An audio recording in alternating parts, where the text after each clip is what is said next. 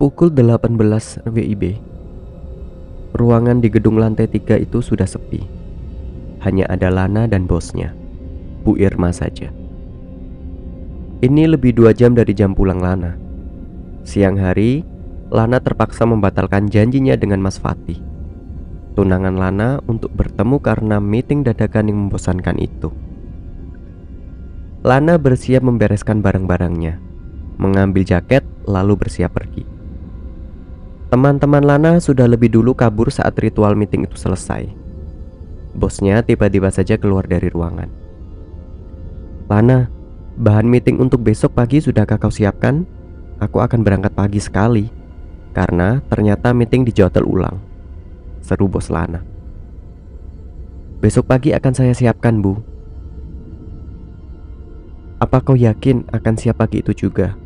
Aku tidak mau ambil resiko untuk proyek ini. Kita harus goal. Proyek ini bernilai miliaran. Aku tidak mau tahu, persiapkan bahan meeting malam ini juga Lana. Kata Bu Irma. Bu Irma berlalu dan meninggalkannya dengan segala umpatan dalam hati. Bu Irma baik, tapi dia tak pernah menyerah untuk urusan uang. Ya, apa boleh buat?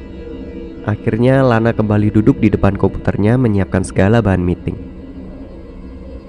Pukul 10 malam, Lana masih saja belum selesai dengan pekerjaannya.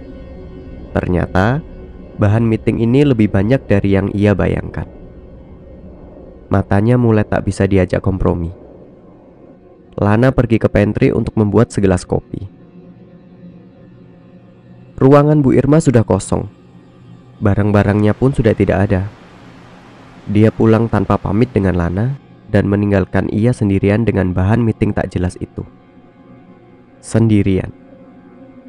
Tiba-tiba, Lana sadar kalau ia ada di kantor sendirian.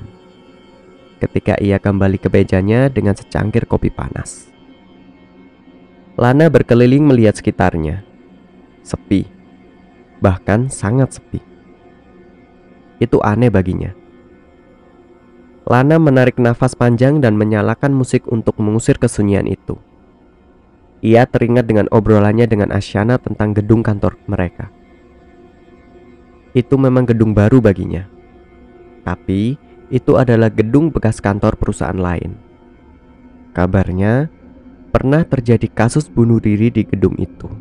Dan kabar baiknya, bunuh diri itu dilakukan di lantai tiga, tempat yang sama dengan kantornya.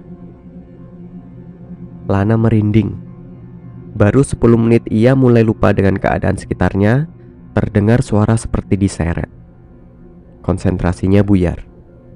Ia coba tak hiraukan suara itu. Suara itu tak terdengar lagi. Lana bersyukur. Tak terasa jam sudah menunjukkan pukul setengah 12 malam. Dokumen untuk meeting hampir selesai. Dan yang Lana butuhkan tinggal satu dokumen lagi.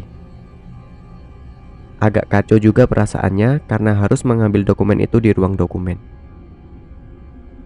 Ruang dokumen selantai dengan ruangannya. Hanya saja ruangan itu terletak di ujung belakang dekat pantry. Siang hari saja Lana enggan ke sana, apalagi di malam seperti ini.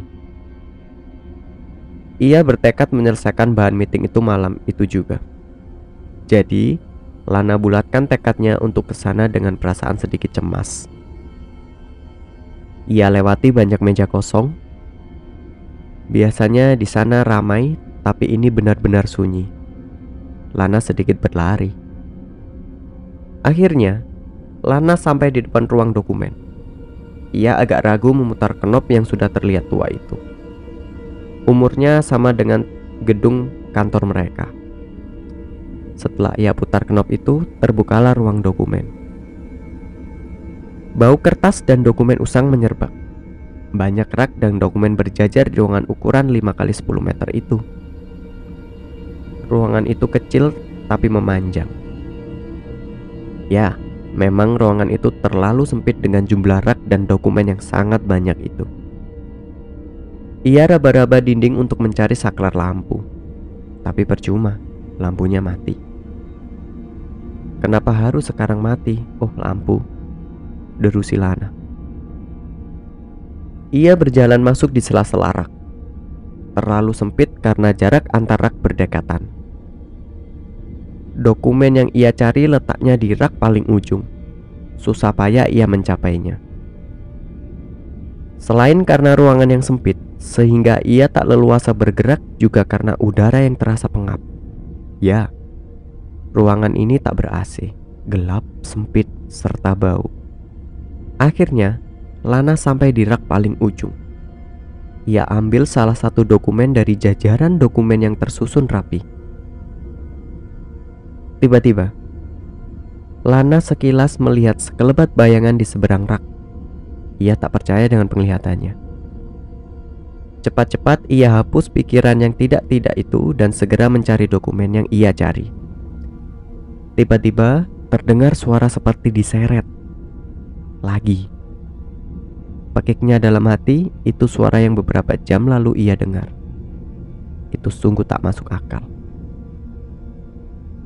Suara itu makin lama semakin mendekat.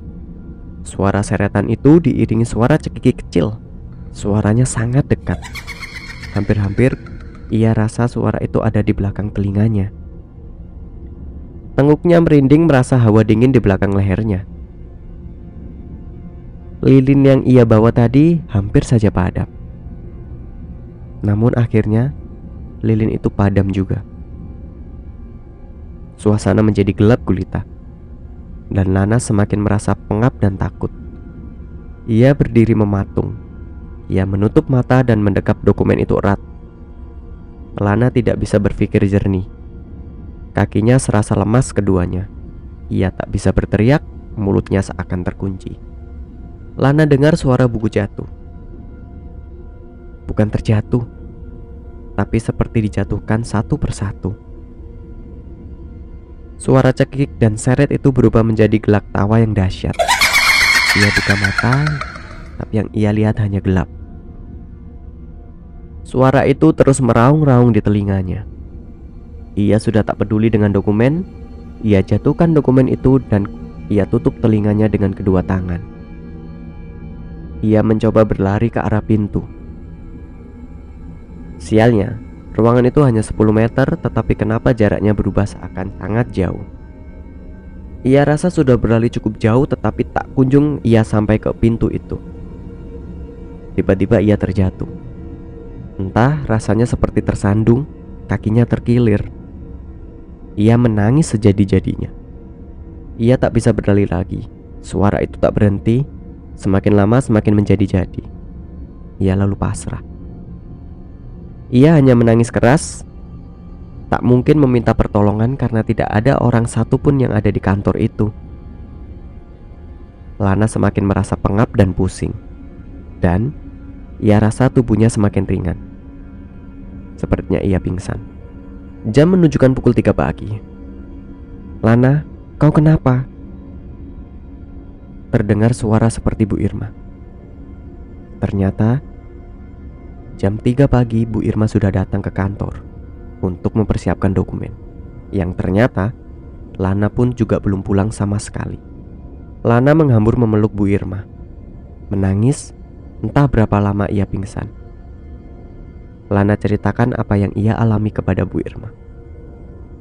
Lana bersyukur bertemu Bu Irma yang kembali ke kantor karena sedang menyiapkan dokumen-dokumen yang dibutuhkan untuk meeting. Bu Irma menenangkannya dan memberinya secangkir teh dan sepucuk sapu tangan untuk mengelap keringatnya. Akhirnya, tak berselang lama, Lana menelpon Mas Fati dan segera dijemput oleh tunangannya itu. Entah kenapa dari kejadian itu Lana merasa trauma. Akhirnya, ia meminta izin Bu Irma untuk tidak masuk selama satu minggu.